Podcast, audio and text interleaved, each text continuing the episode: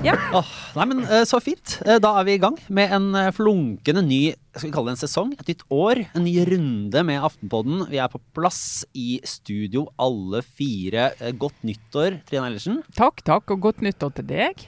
Jo, takk. Jeg velger å bare skru på med entusiasme og engasjement for dette nye året. For det er jo ellers en del som er litt mørkt. Ja, alt er jo helt topp. Ja, nei, vi er nødt til det. Vi er nødt til det. Altså, Ja. vi, må klare, vi kan velte oss litt i elendigheten, men så må du på en måte bare si ja, er det noe lyspunkt her å gripe fatt i? Selv jeg eh, må tenke det. Jeg så jo filmen om Bergen på NRK i går, og da ble jeg så glad at jeg flyter jeg på ennå. Ja, Den det er filmen kommer jeg aldri til å se. Ja, dette Nei. kan vi godt snakke om, Sara, for det bør du. Eh, Men Sara Sørheim, eh, eh, klar for et nytt år? Eh, Altså, det spørs altså egentlig ikke, men jeg tvinger meg selv til å, til å være det og tenker sånn 2022. Litt sånn som deg, Trine. Jeg må bare by på en opptur. Eh, og det skal jo mye til at det blir like ille som de to vi har lagt bak oss. Så ja, får si jeg er klar, da. Jeg skal bli klar. Eh, Og du, Kjetil? Jo, altså 2022 kommer jo til å gi oss en ny gjenåpningsfest. Så det er jo bare å glede seg. Og så tenker jeg det er jo verdt, da, hvis en bare skal tillate seg å være litt positivt innstilt, å, å tenke at 2021 var jo bedre enn 2020. Ja. Nei, altså jeg er ikke sikker på Var om det var det. Nei, for at eh, i 2020, så, særlig vi som driver med nyheter, da. Det var liksom sånn I 2020 så var det fortsatt liksom, selv om det var selvfølgelig ikke misforstå, det var veldig kjipt at vi fikk en pandemi, men det var likevel sånn noe nytt og friskt og spennende med å liksom, følge med på hva som skjedde. Mens før Ja, som vil- 2021 ja, var med bare sånn åh, det er liksom ikke, finnes ikke noe glede over sånn Nå tester vi ut et uh, videomøte. Altså, alt var liksom bare sånn seigpining. Men vi hadde jo et lite holder der vi kunne møtes, da. Ja, Var på ferie og gikk på kontoret og Helt sånne ville ting. ja. gå på Det bare føles som om det på en måte ikke skjedde, men du har rett Så i det. det. rakk til og med julebord. Er 260 stykker på julebord. Det var jo så gøy at eh, jeg skal jo leve på det i sannsynligvis ti år. Så, så nei, det er- bra. Det er, vi, vi, vi går inn i dette nyåret med, med fanen høyt hevet. Og, eh, for det er jo som sagt eh, mye som, som ikke, er, ikke er helt på stell. Det er ikke så lett. Nei. Og det er, ikke, det er ikke alle som har det like lett heller. Men vi får se f.eks. regjeringen. Har, det har jo vært et lite mønster de siste månedene at det har vært tøft for Jonas Gahr Støre og Trygve Slagsvold Vedum og, og, og resten av gjengen. Eh, men vi må jo svinge en liten runde innom en rykende fersk stor måling som, eh, som kom i, for Aftenposten og NRK utført av Norstat denne uka. Som var, eh, hvis vi skal liksom Inngangen her, eh, enkelttallene kan vi jo eventuelt komme tilbake til, eh, ikke nødvendigvis så viktig. Hvis vi bruker Aftenpoddens barometer for, eh, for gode og dårlige målinger, som kan være en guide, det er mulig vi har vært innom dette her før, altså, men, men eh, lytteren kan jo vite at hvis de på, leser en måling, så vil de ha sånn, en overordna oppfattelse om hvordan det står til. Så er det verdt å følge med på hvem som uh, uttaler seg og kommenterer denne målinga. Uh, og her er det jo da en måling som viser at Arbeiderpartiet har gått solid tilbake. Eh, Da er det jo ikke partileder, ikke nestleder. Det er, da er det partisekretær eh, Kjersti Stenseng som eh, sender en uttalelse på e-post. Skriftlig uttalelse som er litt sånn Skal ikke ha oppfølgingsspørsmål. Nei, her er det uh, typisk. Nå husker jeg ikke hva hun svarte Nei, her, men det de alltid sier da, jeg husker faktisk ikke farta heller, for det svaret er jo sånn som man, det er jo skrevet for at det skal bli glemt i det øyeblikket man har lest det. Men uh, det de pleier å si er jo at det er enkeltmålinger.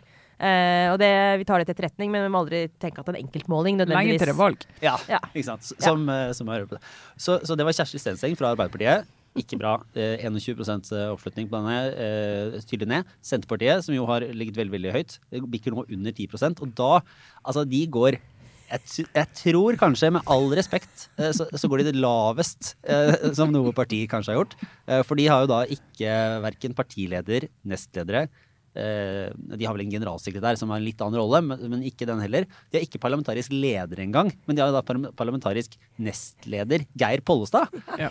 som, eh, som kom med en uttalelse om at eh, ja, det er litt krevende, men eh, vi satser på at det blir bedre. Og da vet vi jo hvorfor den jobben finnes. Vi diskuterte jo det da Geir Pollestad ble Ja. eh, det, det hittil ukjente parlamentarisk nestleder. Og var sånn, hvorfor har de det? Men derfor har de det. De, de skjønte at dette kom ikke bare til å bli lett, så vi trenger noen som kan, som kan gå ut og, og, og levere solid på det tøffe oppdraget. Kan vi tro han har smusstillegg i Ja, og- stillingen. Og hvis man da leser videre i denne saken og, ser på, på uttalelsen, så ser vi at Høyre, du kan jo gjette hvordan de har gjort det, de sender Erna Solberg. Ja, og det er en indikasjon på, på at det var en kanonmåling. Ja. Ja. Men eh, hvis vi går eh, litt bak dette her, da. Vi, det, har jo, det har jo ikke sett sånn utrolig lyst ut for, for regjeringen på målingene eh, før jul heller. Eh, men dette er vel kanskje et, et slags eh, foreløpig bunnpunkt. Men hva er det vi leser ut av det, Kjetil?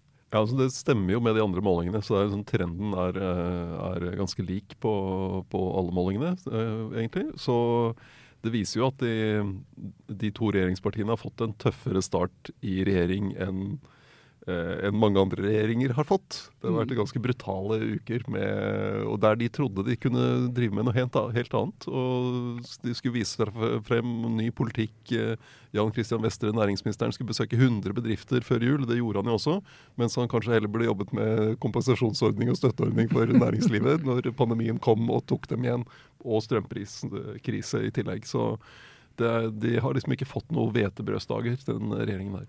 Så kan man jo selvfølgelig peke på at det er liksom helt sånn utenforliggende årsaker til den starten. Altså, type, altså pandemien, åpenbart, og ikke minst den strømsituasjonen som Det er vanskelig å si at det er liksom regjeringens feil at de havna i den situasjonen, selv om eh, de må ta ansvar for eh, det som eventuelt mangler på opprydding og håndtering. Men liksom at, at de strømprisene og energiprisene ligger på det nivået, det kan man jo vanskelig si at det er Jonas Gahr Støre sin feil, på en måte.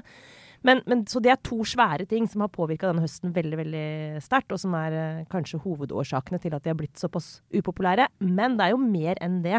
Eh, jeg tenker på den eh, Det å skulle forsvare, særlig egentlig for Vedum og Senterpartiet, det å skulle forsvare de løftene fra valgkampen. Eh, de har i hvert fall sørga for å ha en ganske sånn kraftig fallhøyde eh, inn i en ansvarlig posisjon. Så det kan være lett å glemme at jeg tror ikke liksom ja, Min eh, gjetning er at det at de faller såpass på popularitet, ikke kun skyldes de to store liksom mer eksterne tingene, men at også skyldes rett og slett helt konkrete utfordringer med å følge opp egne løfter og egen politikk. Ja, det, det er jo de brustne forventningene som uh, treffer nå. sant? Og det er, jo, det er jo en veldig tydelig illustrasjon av uh, hvor gøy det er å drive valgkamp og være i opposisjon når du ikke trenger å forholde deg til noen ting av eh, realiteter, og så skal du faktisk inn og ta ansvaret. sant? Og det er det jo da, sant? Vedum merker det på sin måte, men du ser jo òg at uh, Kjerkol, helseministeren, merker det på sin måte i den situasjonen med skjenkestoppen. Arbeiderpartiet for et knapt år siden overkjørte daværende regjering på skjenkestopp, og nå står hun i en situasjon og håper at det ikke blir, og det ser ikke du så det blir, flertall i Stortinget for at det skal skje med, med hennes regjerings skjenkestopp. Det er jo en ynkelig at jeg skal få ordet straks, Lars, men det er litt sånn ynkelig den saken. som Det er vel VG som har intervju med Kjerkol nå eh, i dag, eh, torsdag, eh, hvor hun sier at hun angrer på at hun var med på å kjøre over regjeringen i fjor. Da Stortinget tvang regjeringen til å endre på skjenke, skjenkestoppen. Som er sånn Det er jo skal ha for ærligheten, da. Men det er sånn, sånn Det bare fremstår så utrolig bare sånn, hva skal jeg kalle det, altså, så, bare så hjelpeløst. Eh, sånn der, Skjønte du ikke det for et år siden? Altså, det er bare et eller annet med sånn Ja, nei, som sagt, det er bra at hun innrømmer det, tross alt, da. Det hadde vært verre hvis hun lata som at det var en annen situasjon nå. Men det er noe med det er bare noe med hele den liksom, manglende evnen til å forstå forskjell på opposisjon og posisjon, og liksom sette seg inn i andre sted, som bare jeg syns er helt sånn himmelropende uprofesjonell. Fatter ikke. Det var jo helt tydelig også i fjor, da hun var med på å å nettopp overkjøre regjeringen på det punktet, at du, det er en grunn til at du har eh, smittevernloven sånn som den er. At regjeringen har ansvaret for å, å bestemme tiltakene. Og det handler om at du må ha liksom, en helhet. Og så kom da Stortinget inn og tok tak i én bit av det. Og skulle oppheve den nasjonale skjenkestoppen, og så kom jo det en kraftig rekyl etterpå. Så du, de opplever, Hun har jo da en mer ansvarlig opposisjon enn den hun selv var. Fordi det, på Stortinget nå er det jo bare Frp og MDG som vil, vil vedta og pålegge regjeringen å oppheve skjenkestoppen. Eh, mens eh, de tidligere regjeringspartiene, de ferskeste Frp er også tidligere regjeringsparti, men, FRP, men eh, KrF og Venstre og Høyre vil jo ikke vedta det, selv om det kommer signaler derfra om at dette bør, bør regjeringen uh, revurdere når de nå skal eh, se på tiltakene neste uke. Ja, for, ja, for der er det jo eh, Regjeringa møtte jo faktisk motstand da fra se Venstre. Sveinung Rotevatn var ute og, ute og, og, og sa at, at man burde altså, fjerne eller endre eller eh, altså, skjenkestoppen. Og LO var ute og kritiserte, og det er jo ofte en sånn Når Venstre og LO er enige, da bør De- man lytte, faktisk. ja, det er i hvert fall det er, ganske, det, er, det er ikke så veldig ofte. Nei. Og eh, jeg tror i Arbeiderpartiet at man eh, lytter ganske mm, ganske godt når LO eh, sier fra om sånne ting. da. Og det har jo vist seg at det er ofte et sånn det, andre- Jeg vet ikke om det skjer her, men, men gjerne når LO kommer på banen, eh, litt eh, avhengig av tyngde, så ender det opp med å bli sånn som LO mener at det burde bli. Så, så, er- så ligger det an til at vi får en faktisk endring her også, tror dere? Ja, altså, eh, du har jo, altså, Noe av problemet for regjeringen og helseminister Ingvild Kjerkol er jo at hun og FHI og Helsedirektoratet at de har jo ikke gode svar på spørsmålet om hva er det faglige grunnlaget for å ha en full skjenkestopp. Hvorfor kan man ikke ha skjenking til klokka ti eller til midnatt? Hvorfor kan man ikke ha krav om matservering? Og så da i tillegg alle disse meterkravene og munnbind når du går på do og alt det der. Hvorfor, hvorfor har de, hva, hvilken vurdering gjorde de i desember av skal vi ha full skjenkestopp, eller kan vi ha en delvis eh, altså en skjenkeregulering? Det har jo ikke Kjerkol greid å komme med noe gode svar på. Og det, og det synes jeg jo er det som er interessant med denne debatten nå, som er jo annerledes fra i fjor eh, og i, i 2020, det er jo at nå har vi holdt på med dette her i snart to år, sånn at veldig mange forventer jo at vi kan mer, vet mer eh, og klarer å gjøre mer eh, treffsikre vurderinger eh, og avveininger. Og kunne si går det an å form formulere dette tiltaket på en måte som gjør at du kan unngå eh, konsekvenser som er veldig sterke, og som ikke bidrar nok til å dempe smitten, hvis du skal se sånn på det. Eh, men samtidig så er du i en eh, situasjon hvor eh, jeg tenker at vi må tåle å ha den debatten. Rett før jul var det jo en debatt om at ingen må utfordre tiltak, og ingen må utfordre noen ting, fordi at det er så dårlig gjort mot regjeringen stakkar, som skal drive og håndtere en pandemi. Og Det er jo helt, helt feil å tenke sånn nå, når vi holder på med dette i snart to år. Jeg tror hele legitimiteten til disse tiltakene er helt avhengig av at vi har en god og grundig og dyp diskusjon. og Knallharde spørsmålsstillingen. Både mot FHI og mot regjeringen. Hva er grunnlaget? Hva er avveiningen? Hva er det som gjør at du ikke klarer å si at de som eh, har eh, bord folk sitter og spiser, der du klarer å opprettholde avstand og kan ha disse reglene, og denne næringen har jo også jobbet masse med dette og lære seg det. Hva er det som gjør at det ikke er forskjell på de og på en nattklubb der folk per definisjon står tett i tett og løper rundt og er tett innpå hverandre hele tiden. Eh, og ikke nødvendigvis eh, kan skjenke til klokken tre. Fordi at, og så er svaret at ja, men erfaringen viser at når folk får seg et glass vin, så forsvinner smittevern. Da forsvinner på en måte eh, ansvarligheten. da. Og det er en sånn, Du maler med en så bred pensel, og det kom du unna med i fjor. I år kommer du ikke unna med det, og det er helt riktig at du ikke skal komme unna med det.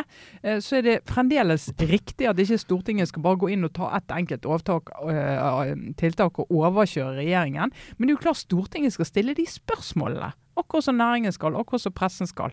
Det, det er jo, altså, alkohol har jo en påvirkning på folk, men det fins et sted mellom et glass vin til maten og det at du danser på bordet. Må, Ja. Og der må FHI greie å, og Helsedirektoratet og Kjerkol greie å liksom å det- Her er det et det. eh, såkalt mulighetsrom.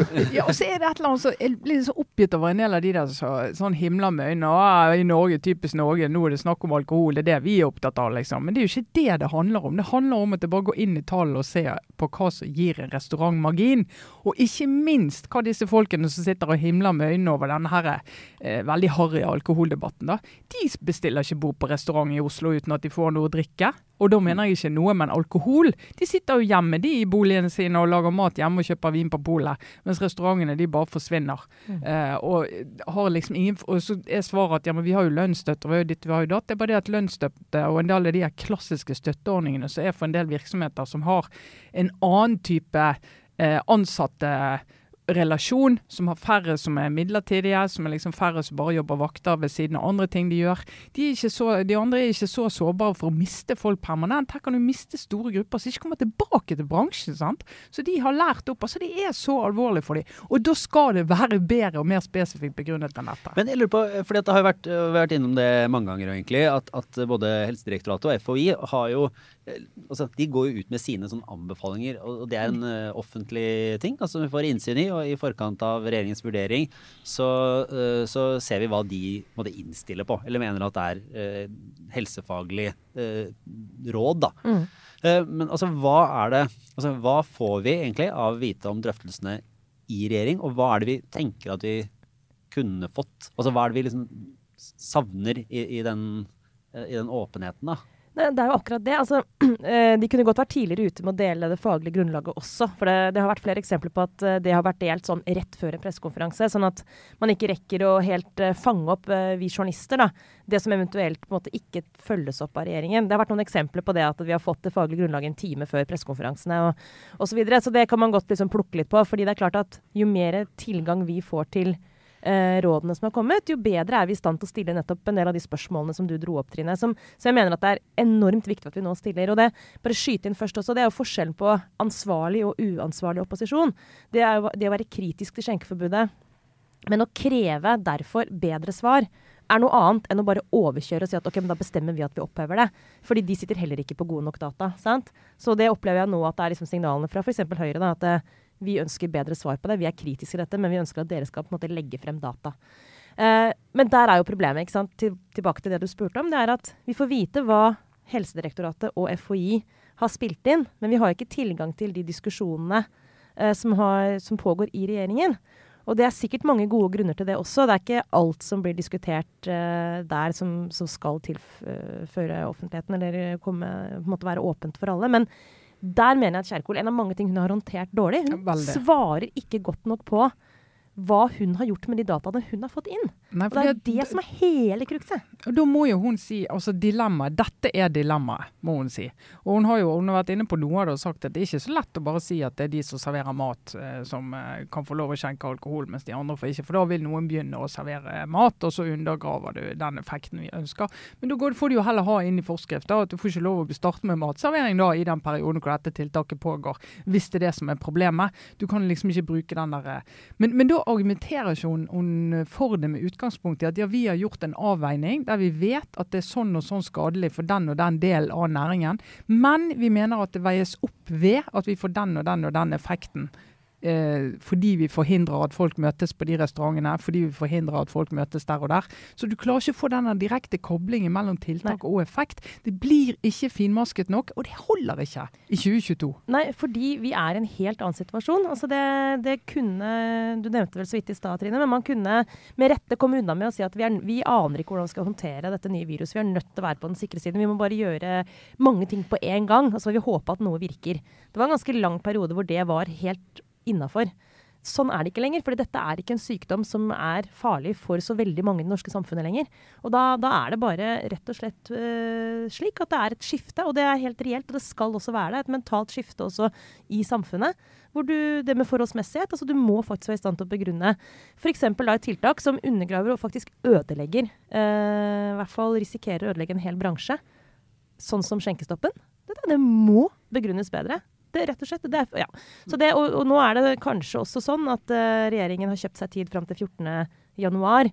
Uh, og det gir for så vidt mening, fordi uh, dataene fra jul er vanskelig å bruke når du skal vurdere på en måte hvordan er egentlig sykdomsutbredelsen i samfunnet osv.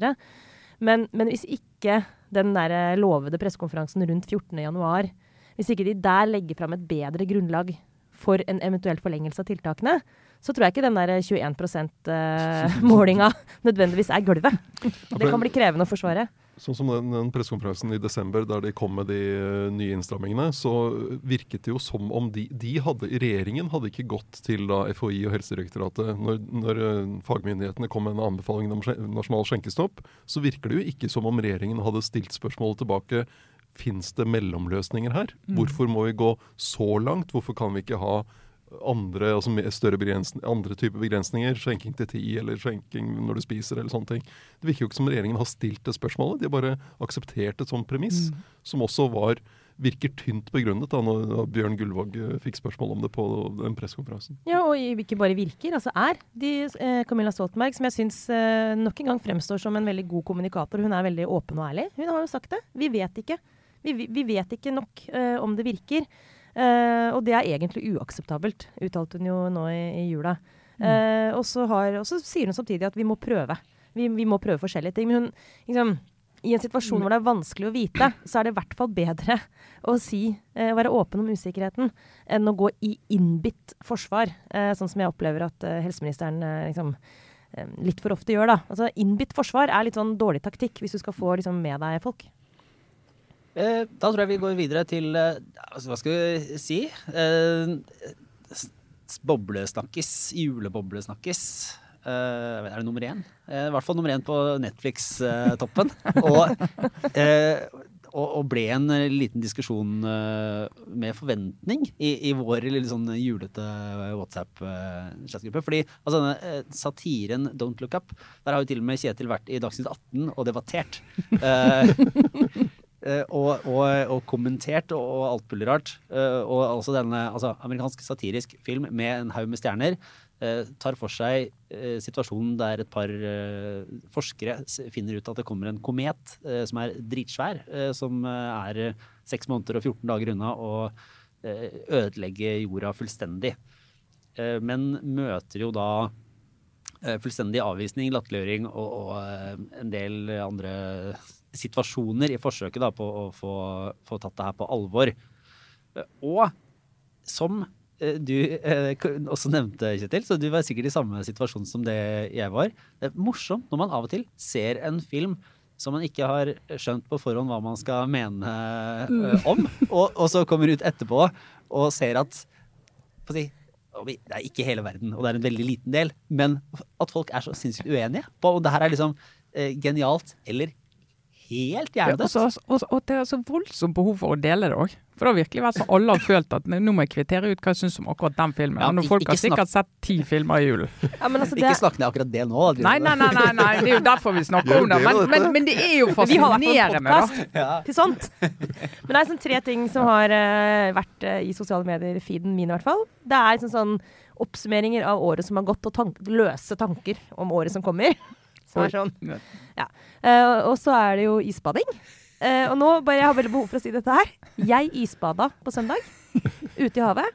Ja. Jeg har ikke, jeg har ikke lagt ut Det fins ikke et spor på internett av det badet. Skjedde det, det da egentlig? men Sara, det er en sak. Det er en At sak. en person i Oslo har isbadet uten å ta bilde og legge det ut på sosiale medier, det er en sak. Ja. Ikke engang statsministeren gjør det. Var du tom for batterier, eller hva var grunnen? Dette, er et, dette her er et verdivalg.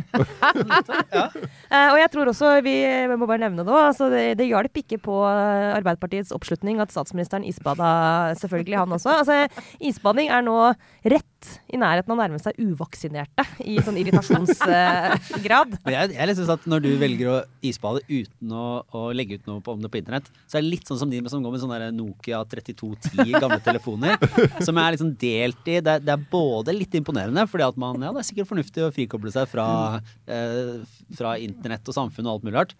Også litt provoserende. Ja, det er også litt sånn douchebaggy, eh, sånn Ja. eh, selvfornøyd, eh, selvfornøydaktighet over det. Men de som Jeg ikke hadde helt sikkert lagt ut bilde hvis jeg har det, for jeg ville sikkert bare gjort det én gang. Det er jo noe helt annet å bare fortelle om det i en av landets ledende podkaster! Si, redda deg inn der på oppmerksomhet rundt din eh, Takk. Særlig siden du. Prøvde å starte en diskusjon om noe helt annet, Noe som jeg har klart å nå få til å handle om at jeg isbada, men ikke la ut bilde. eh, Dette, er jo, dette illustrerer jo hele poenget i filmen. Ja, det er så utrolig vanskelig så, å kommer snakke det om det som er noen og skal snakke om noe viktig, nemlig at jordens undergang er nær. Og så, så er, det det, og så, er, de, ja, så er de da gjester på en sånn TV-morningshow.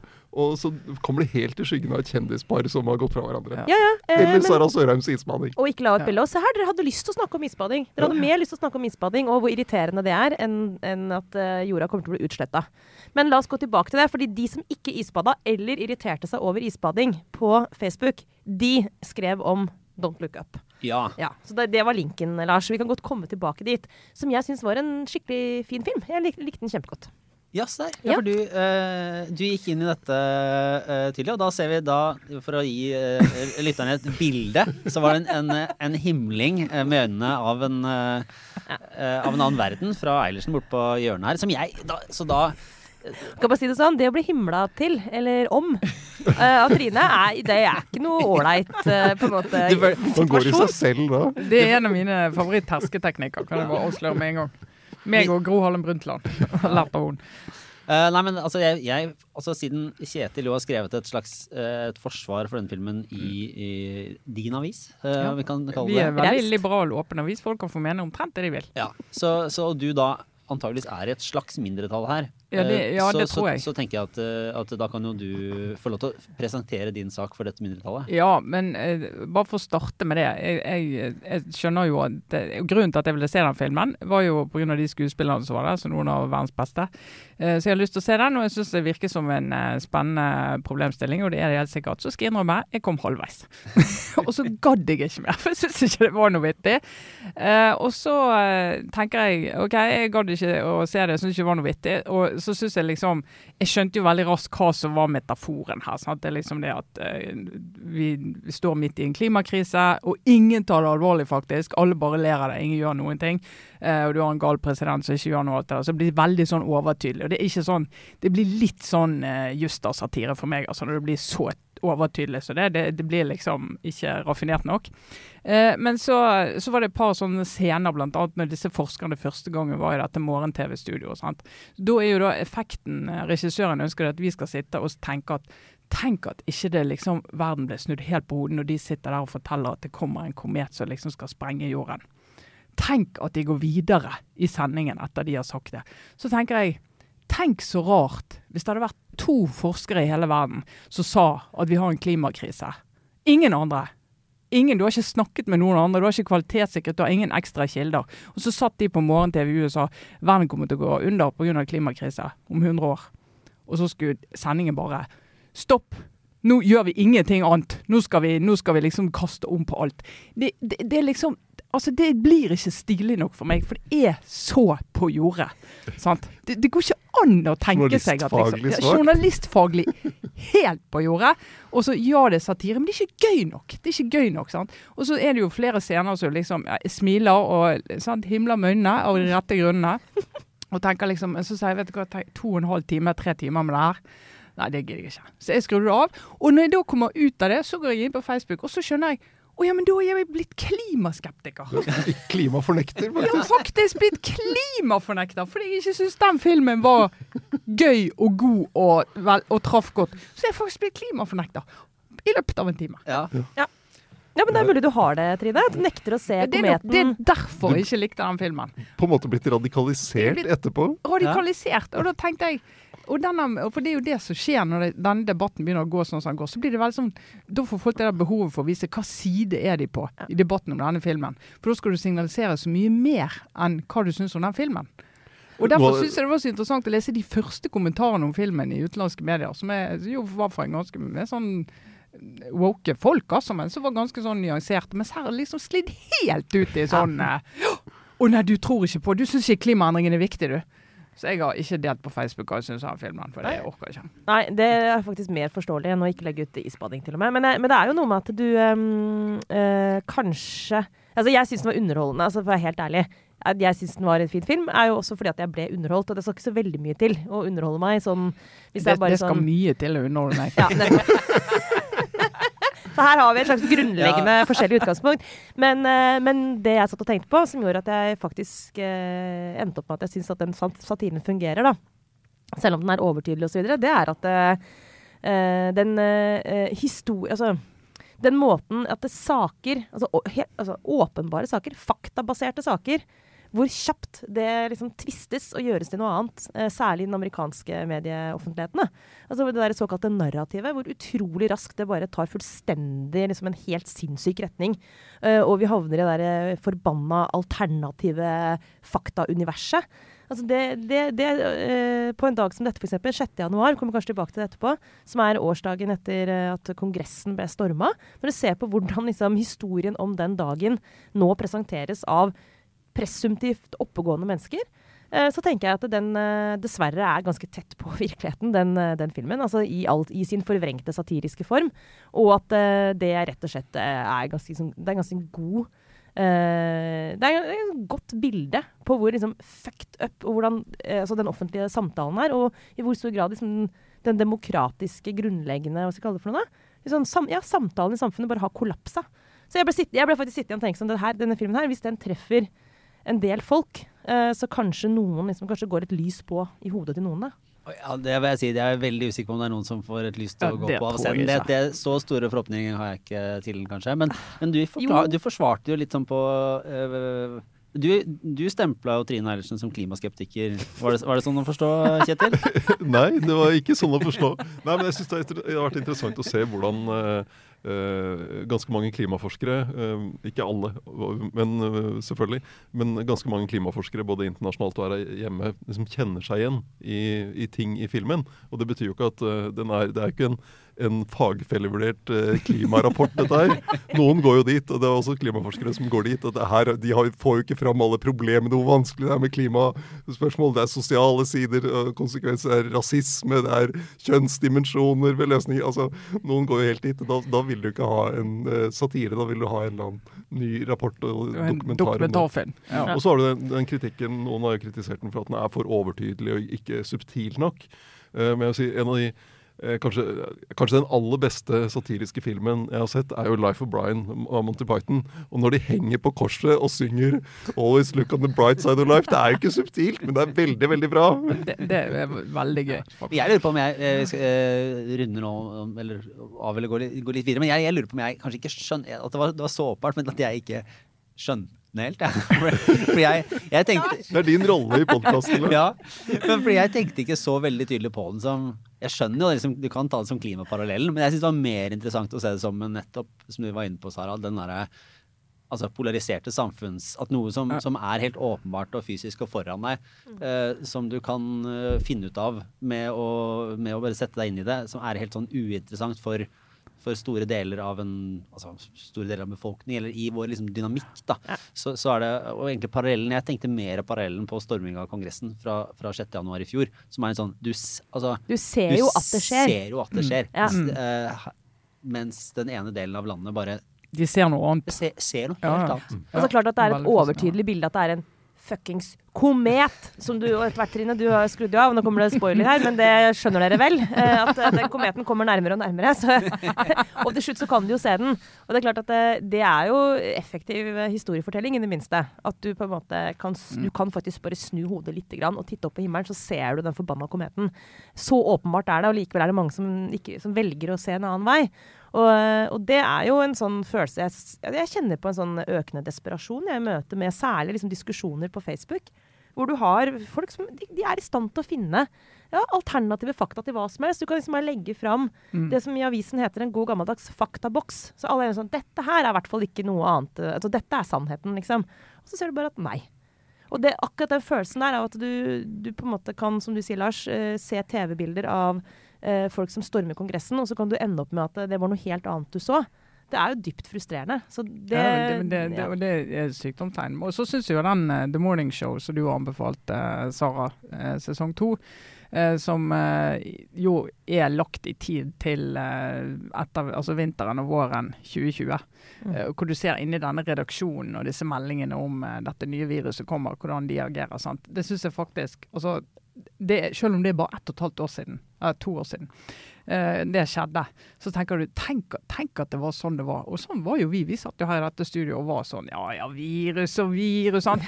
Og du ser nyhetsredaksjonene gjør disse her vurderingene. Ja, altså, men, men de, det er ikke nært nok, det er ikke tett nok på. Vi har ikke en, en, en, altså en død kvinne her som kan illustrere faren. Det er Italia, liksom. Det er Kina. Det blir for langt unna. Da tar vi 1 minutt og 40 på det, og så går vi videre til været. verre.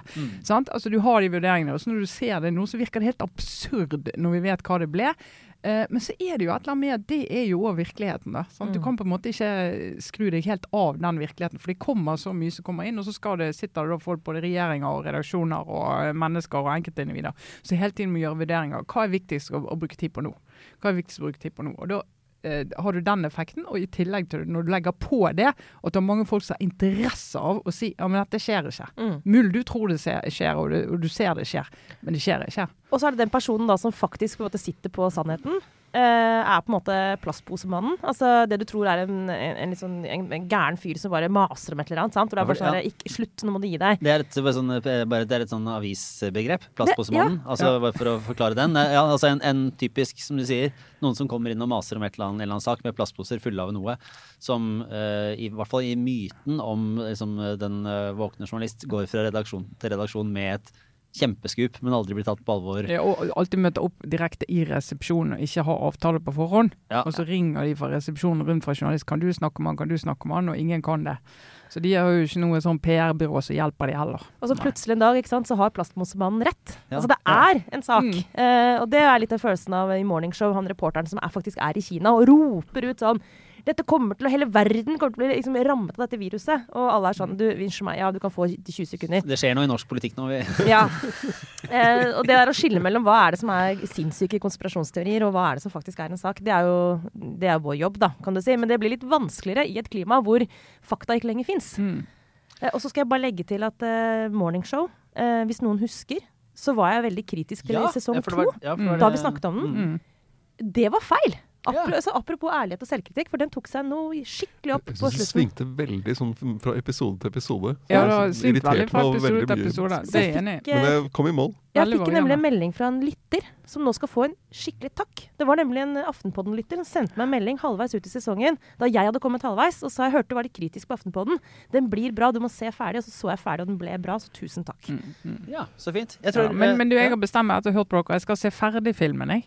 Ja. Det er ikke noe det er ikke, Så ikke jeg går ut av dette rommet med, med stempelet klimafornekter. Ja, okay.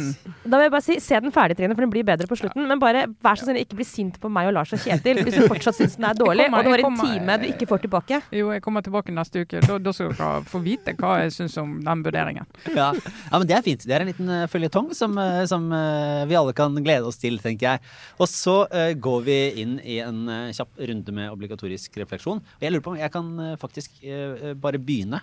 Fordi eh, apropos sånn si, eh, sosiale medier, informasjon, hva man tror på, hva man ikke tror på, så er en, eh, en av mine sånn favoritting i sosiale medier-universet er jo når noen legger ut noe de ikke skjønner hva er, eller at det bryter litt. Og jeg vet ikke om noen av, om alle våre lyttere har fått med seg, men, men altså, tidligere SV-leder, nå MDG-medlem, Erik Solheim, Ja. eh, jeg er litt usikker på hva han egentlig gjør. Eh, han er i en eller annen form for sånn til internasjonalt. Men han har fall eh, han har bygd seg opp en sosiale medier-profil på Twitter, der han sender ut én del som er sånn gladnyheter fra eh, klima og utvikling. Altså sånne ting som Ting skjer som går bra. ja, ting som går bra i India. Og litt sånn dyrevideoer av en fascinerende grønn frosk. Litt sånn der NRK Lysglimt eller hva det er for noe. Ja, ja, ja. Hyggelige ting. det kunne, du kunne satt dem sammen, og så kunne du hatt dem i sånn fire timer på NRK fra tre om natta til, eh, eh, til, til, Feel good til sju om- ja, ja, litt sånn det kommer.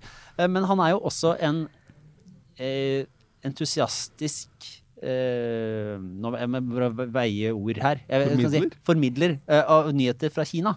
Eh, og stort sett av positive nyheter, fordi det er jo en stor og interessant debatt på om på en måte eh, velstandseventyr i Kina. Ikke sant? Løfter hundrevis av millioner mennesker opp fra fattigdom og, og ting som har skjedd. Uh, kontra menneskerettighetsbrudd, alle mangel på frihet og hele den biten her. Uh, Solheim har lagt seg litt mer på den heia. Uh, Litt sånn Kina, fattigdom. kjempefint land. Eh, og, og derfor er det ofte mange videoer også sånn om typ, fornybar energi i Kina. Her bygger de en kjempestor eh, togstasjon. Og så var det en video her på jeg tror det var 1. januar som ble lagt ut som var sånn Yay! Uh, med vindkraft så skal Kina nå bygge en kjempepark og, og gi energi til vinter-OL. Og så begynner det på en måte som en sånn faktavideo. Så har åpenbart ikke Solheim sett gjennom hele denne filmen. For da tar jo da en sånn twist der det egentlig handler om hvordan eh, jeg forstår det er sånn landeiere og bønder og alle sånn har blitt forvist, og hvordan det er litt sånn eh, brudd på ja, dårlige liksom arbeidsforhold. Ordentlig regimekritisk, Ja. uh, egentlig. Det hele den Ja. ja. Mm. Som, som bare Oi, det tok en sving! Her har åpenbart uh, hadde den propagandaknappen vært litt, sånn, eh, litt kjapp i avtrekkeren. Og så, eh, og så viste det seg å være regimekritikk. Så den er jo nå dessverre Deletet han det? delete. Ja. Oh. Som jo er en sånn state... Blir, ja, alt blir en statement når man først lærer, lærer det som veldig mange andre har gjort til sosiale medier, at du må ikke dele en tekst før du har lest den. Nei, akkurat det. Mm. Som, uh, Viktig læring. Det er veldig viktig læring. Der ser jeg at ja, Du brukte ordet oppegående mennesker. Svært oppegående mennesker som går fe hele tiden. Jeg tenker at eh, dette har ikke du lest. Nei. Så, uh, og Erik Solheim er, sikkert ikke, er jo ikke alene i å gjøre den feilen, men hver gang det skjer, så eh, Men det utløste jo også, som er et svært tema, som ikke skal gå inn i nå, men litt interessant bare, at den posten utløste jo også sånne mm, botter. Eh, altså sånne automatiske meldinger. fordi eh, hvis du legger ut regimekritiske meldinger på Twitter eh, om Kina, så vil du veldig fort få masse, masse svar tilbake, altså kritikk tilbake. Og mange av dem er, virker det som, dette er jeg ikke noe ekspert på, men det er jo bare sånne autom automatiserte Ja, svar. Eh, hvor du bare, som de har satt opp, som er hvis du legger ut noe kritisk om Kina, så får du liksom 10 000 ja, litt, da, men du får sinnssykt mange svar eh, som går i rette med det du sier, og etter hvert også kan være ganske Det var jo sånn. der det ble så uh, mindfuck for de bottene med hun uh, kinesiske tennisspilleren. Ja. For da visste ikke de bottene, som jo ikke da kan gjøre så mye annet enn å drive med det de gjør, eh, hva de skulle si. Hater når det skjer. Det blir surr i algoritmen. Ja. Ja, jeg, jeg har veldig, veldig kort, vil jeg si, Ja. i dag, eh, som ligger meg eh, tett på. Eh, før vi var irritert på de som eh, tok bilder når de bader i isen, og de som likte slash ikke likte Don't Look Up, så var vi irritert på de som la ut bilder av tredje dose. Og Ja. andre dose, og første dose for øvrig. Eh, Jeg har lagt ut bilder av alle tre. Eh, Ja, det har du, Kjetil. Jeg har merket meg det. Jeg har lagt bilder av Det er bare dette viser mangfold i gruppen. Jeg har lagt ut bilder av ingen av de tre dosene. Men det er nå så. Men det kan jeg si. Hadde jeg gjort det, så kan jeg garantere at jeg skulle sikret én ting. Jeg skulle hatt klær på. Det har jeg hatt på alle bilder. Du har hatt klær på alle, Kjetil. Det setter jeg stor pris på. Uh, og, men for å si det sånn, det er ikke alle som har det. Og nå skal jeg ikke nevne navn, men jeg har, eh, det flyr forbi i min feed. Folk som har glemt at de skal ta vaksine den dagen, og så har de på seg klær som gjør at når de skal få frigjort denne armen, så må de ta av seg på overkroppen. Og da tenker jeg, da må du si til deg sjøl dette hadde jeg tenkt å ta en selfie av og legge ut i sosiale medier. Men siden jeg hadde glemt det og har tatt på meg en skjorte som gjør at jeg i praksis må sitte i bar overkropp i januar med munnbind, med sånn Ja, altså Spenne musklene litt. alt, Grann. alt det du har, eh, så skal jeg la være å legge ut i dag. Og bare si Jeg kan heller skrive at nå har jeg fått tredje dose, og, og så kan jeg ha ballonger og jubel-emojier etter det. Syns jeg er en fin løsning. Skal du legge ut bilder av deg sjøl mens du blir tatt vaksine av, så må du ha, kan ta bilde av en naken arm. Men det må stoppe der. Med mindre man ønsker å normalisere hverdagskroppen. Ja, men, tenker men- det er også det- plass på internett Ja. til en helt vanlig kropp i Og da tenker jeg de der reglene for nakenhet som er i sosiale medier, de er ikke, de er ikke treffsikre nok, tenker jeg. Kvinnebryst kan du ikke, det har jeg ikke sett ennå, det skal sies. Og det hadde jo blitt sensurert, sant. Men det flyr jo mannebryst forbi, Ja. som eh, jeg tenker med fordel kunne vært Kunne vært- sensurert. ja. Så du kan skrive som brev 'Dear Mark'. kan du være så snill Dear Rock 2.0. Og så redigere mannebryst? Hvite mannebryst i 40- og 50-årene. Ja, nei, har du et Ja, prosjekt. men, altså, vi, har alle, vi tar alle våre kamper, Trine. Det Ja da, så det her var en oppfordring. Hvis du skal legge ut vaksineselfie, ha klær på. Ja. ja, men det er godt. Åssen er det med deg, Sara? Ja, klær. Klær var stikkordet mitt. Ja. Uh, ja, og jeg er opptatt av klær, jeg også. Men uh, nå mer at du skal være på. Jeg kan bare anbefale en artikkel. Den er gammel, jeg leste den eh, først i går. Men den er skrevet eh, midtveis i sesong to av Succession. Uh, den beste TV-serien jeg har sett på kjempelenge. Uh, og den ble lagt ut uh, av en eller annen i feeden min. da. Takk, takk for det. I går på Facebook, så jeg oppdaget den. Det er en skikkelig interessant, lang analyse av klærne til de ulike karakterene i TV-serien. Den skal jeg lese, den artikkelen. Høyinteressant. Det er altfor lite gravende journalistikk eh, egentlig på eh, hvordan man liksom utstyrer eh, eh, TV-karakterer. Det burde være en større satsing. Men denne saken her skal jeg legge ut på, sende ut på nyhetsbrevet. Eh, det er rett og slett bare en så utrolig presis eh, oppsummering av hvordan klasseperspektiv og liksom, kulturell tilhørighet kan uttrykkes gjennom klær på en så subtil måte at du skjønner det ikke når du ser det. Men det bare virker. Uh, og uh, særlig beskrivelsen av hvordan denne datteren i denne familien, uh, Shiv, hvordan hun på en måte utvikles Altså hennes klesstil utvikles i takt med at hun på en måte stiger i gradene i firmaet. Men også hvordan du, når du bommer litt på kleskoden, hvordan det kan liksom gjøre at du, at du på en måte taper et møte. Eller at du ikke får den styreposisjonen fordi du har på deg feil sneakers. Høres jo sjukt ut, men det, det begrunnes godt. Det, det, det er veldig bra. Og, bare for å legge på, for da kan jeg anbefale Vanity Fair. De har jo en uh, serie med en podkast hvor de har, snakker om hver episode fra Succession etter den har vært sendt. Den kan jeg bare anbefale. Særlig den finalegjennomgangen. Og så har jo også Succession en egen podkast hvor de snakker om de som lager serien. Og da forteller jo han ene at de har jo egne rådgivere som er inne for at de skal være helt pinpointed på hva som er de subtile signalene for at du skal se rik ut på det nivået som de er, og ikke på et annet nivå. Altså, Hvordan ser det ut rundt i Ville du gått på den restauranten din i New York hvis du var i det segmentet? Nei, det ville du ikke, men du ville gått på den. Altså, Sånne rådgivere har de. Så. Eksempel at det ikke må være logo på den eh, ullcapsen du har på hodet. Det er et sånn caps med ullstoff. Eh, den kan ikke ha logo. Er du rik nok, så har ikke den logo. Nettopp. Ja. Jeg synes det er bare For å ta inn en liten sånn eh, pet-piv på på der, for det her er en New Yorker-tekst, ikke sant? Mm. Der jeg er av de som har et abonnement på New Yorker. Wow. Eh, som selvfølgelig, de leser jo eh, praktisk talt aldri. Eh, og jeg, de har veldig fine forsider og er jo veldig sånn Er veldig mye bra. Men ulempen med sånne tegna, te- altså helt sånn løsrevne forsider, Mm. og fordelen med de gode, folkelige ukebladforsidene, er jo til å se jo hva som er inni den jævla utgaven. Ja, det- Så jeg vet jo aldri når det altså, Og du har fysisk utgave av Ja. New Yorker? Ja. ja. Men du Nei, at jeg, jeg plukker det opp på Instagram, alt sammen. Ja, ja, men det er, ja, Ja. så jeg må jeg bare kanalen min liksom, Men det er forskjellen på, på innbilt elite og faktisk elite. Ikke sant? Det er innbilt elite, har abonnement på New Yorker, leser ikke. Men de, den lille promillen, og den er liten, altså. Vi snakker en svært liten gruppe som faktisk abonnerer på New Yorker og leser det. Ja. Det er liksom Det. Så det er, Er det det er mulig det skal være, være ambisjonen for 2022. Er å, er å Lars? Si opp eh. Bare glem det. Ja, det nei, tatt, jeg har, altså, strengt tatt, jeg har sagt opp. Men det, det går til april. Så fram til det så kan jeg jo uh, prøve å, å, å stige gradene. eh, Utvide min kulturelle kapital. Lykke til med det, Lars. Hørtes Ja. ut som et typisk nyttårsforsett. Ja. Ja, særlig du som skal få ny baby. år Ja. Det er bare, dette kommer til å gå veldig greit. Fra, fra om noen veldig få uker så er dette helt på, helt på stell. Nei, men uh, Kjetil, åssen er det med deg? Uh, først bare en liten anbefaling. Vi har snakket mye om film i dag. Den beste filmen jeg så i jula, det var eh, The Power of the Dog.